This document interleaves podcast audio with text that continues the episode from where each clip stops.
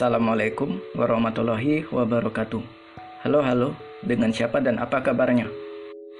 Hai juga dari saya, Reza Kurniawan, mahasiswa baru Teknik Biomedis angkatan 2021. Semoga aku dan kalian semua selalu dalam keadaan bugar dan tetap mematuhi protokol kesehatan. Awal pertemuan kita dari podcast pertama saya, Future Plan ini diperdengarkan untuk kalian. Kalian pasti sering melihat anak-anak kecil dan remaja yang suka banget ganti-ganti cita-cita. Atau jangan-jangan kita adalah mereka yang berada di masa lalu. Kalau aku sih gitu, lahir dan besar di Sumatera Selatan. Dari SMP maunya jadi dokter. Wah, semangat banget belajar MIPA.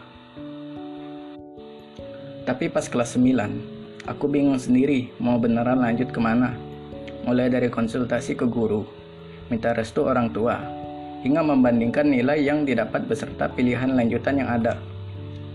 SMK jurusan Geomatika menjadi pilihanku setelah lulus SMP. Waktu berjalan begitu cepat, banyak hal yang menyenangkan dan produktif telah aku lalui. Mungkin saja aku telah melupakannya. Iya, si dia, si fakultas kedokteran. Hingga suatu saat penyakitku terus kambuh dan ya, jurusan ini gak cuma ngendalin otak yang encer. Fisik yang kuat juga diperlukan.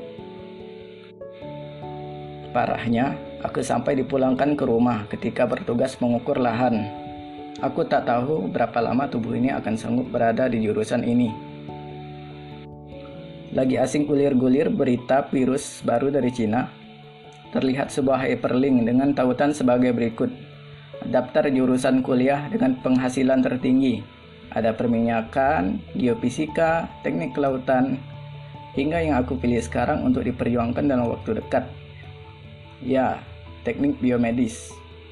Seperti mengulangi masa lalu yang ingin menjadi dokter. Tapi ini agak beda ya. Orang julid bilang gini ke aku, apaan sih sok keras mau lintas jurusan? Ucap dia yang gak lolos PTN mana pun. Padahal biomedis dan geomatika masih sesama teknik. Biarin aja deh. Mungkin di sini aku akan mempelajari dan mengejar ilmu baru yang seharusnya aku persiapkan dalam tiga tahun di masa SMA hingga tahap persiapan bersama.